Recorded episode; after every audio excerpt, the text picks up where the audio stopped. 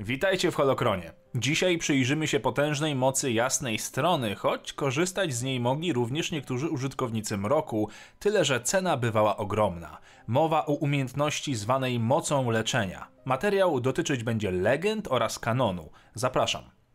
Zacznijmy od legend, w którym jak to zwykle bywa jest o wiele więcej informacji. Leczenie mocą jest techniką służącą do szybkiego przyspieszenia naturalnego procesu leczenia i mogła być użyta do leczenia najbardziej śmiertelnych ran i obrażeń.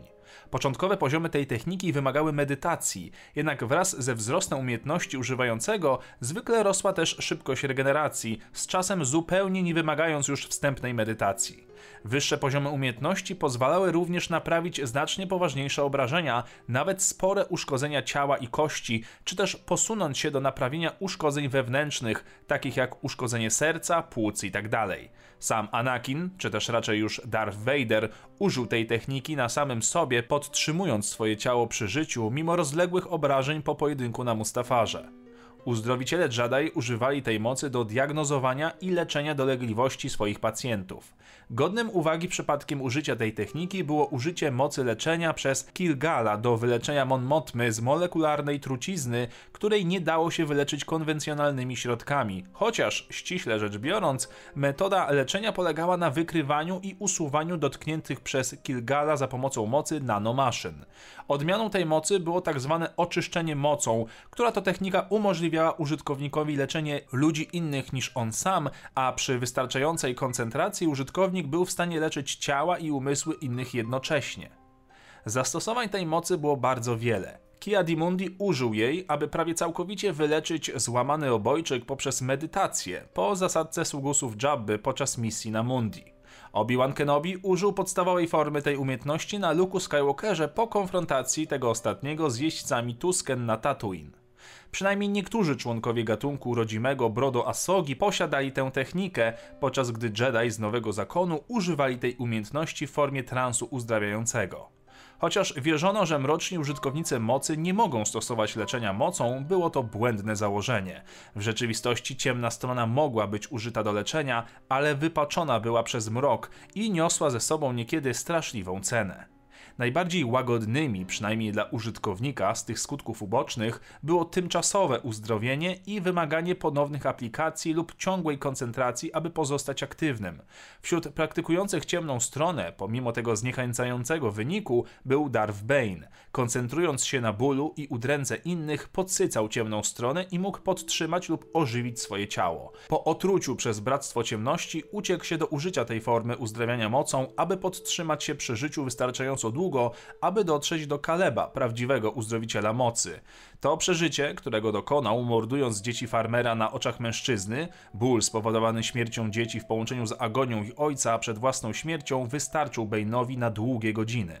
Lord Sithów używał tej mocy okresowo podczas swojej kariery, mimo że jego żywa zbroja spełniała funkcję regeneracyjną. Darth Vader eksperymentował również z uzdrawianiem mocą napędzaną przez ciemną stronę, w której medytacja nad gniewem i frustracją z powodu jego życia i okoliczności pozwalała jego płucom funkcjonować bez pomocy komory hiperbarycznej lub kombinezu podtrzymującego życie. On również szybko odkrył, że ciemna strona oferowała jedynie wypaczony, prawdziwy efekt leczenia, ponieważ uszkodzone pęcherzyki płucne nie goiły się na stałe, ale raczej pozostawały funkcjonalne tak długo, jak intensywność jego gniewu była skupiona. Udawało mu się utrzymać tę moc tylko przez krótki czas. Przyjemność, jaką otrzymywał z procesu uzdrawiania, w końcu przerywała jego koncentrację.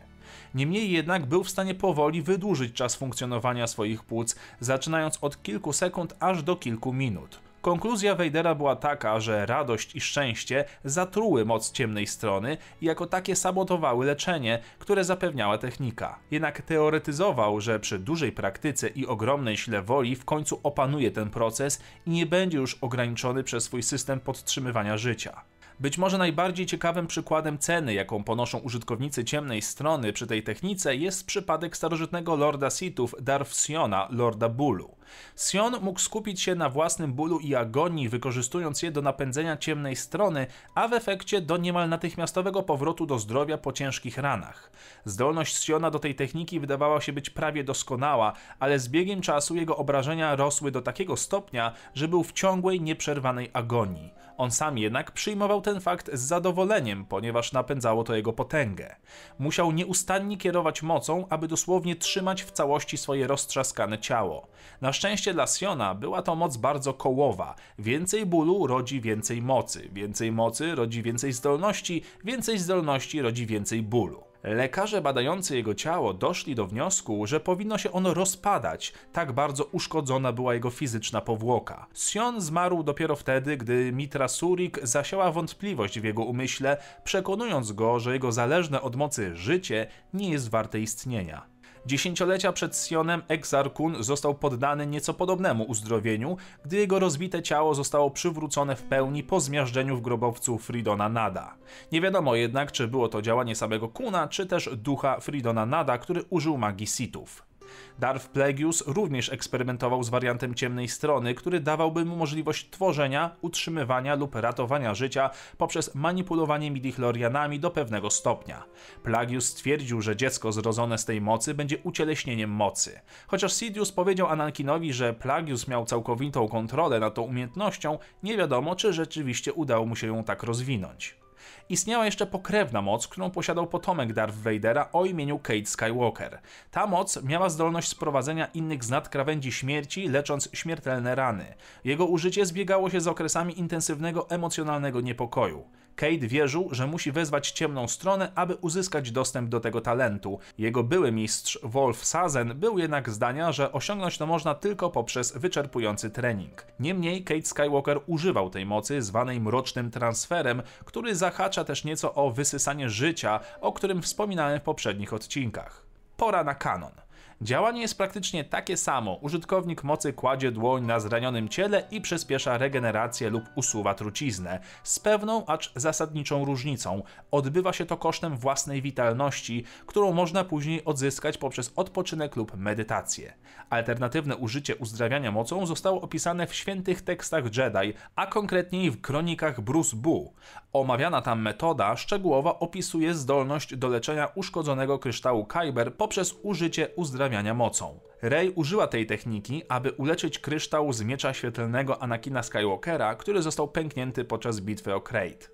Ben Solo również użył tej techniki, aby przywrócić Rey do życia, musiał jednak poświęcić całą swoją witalność i w efekcie swoje życie, by tego dokonać. I to wszystko na dzisiaj. Dzięki za oglądanie. Dajcie znać, co chcecie zobaczyć w kolejnych odcinkach. Wpadajcie na kanał Aperacjum poświęcony uniwersum Harry'ego Pottera. Dziękuję patronom za wsparcie i niech moc zawsze będzie z wami.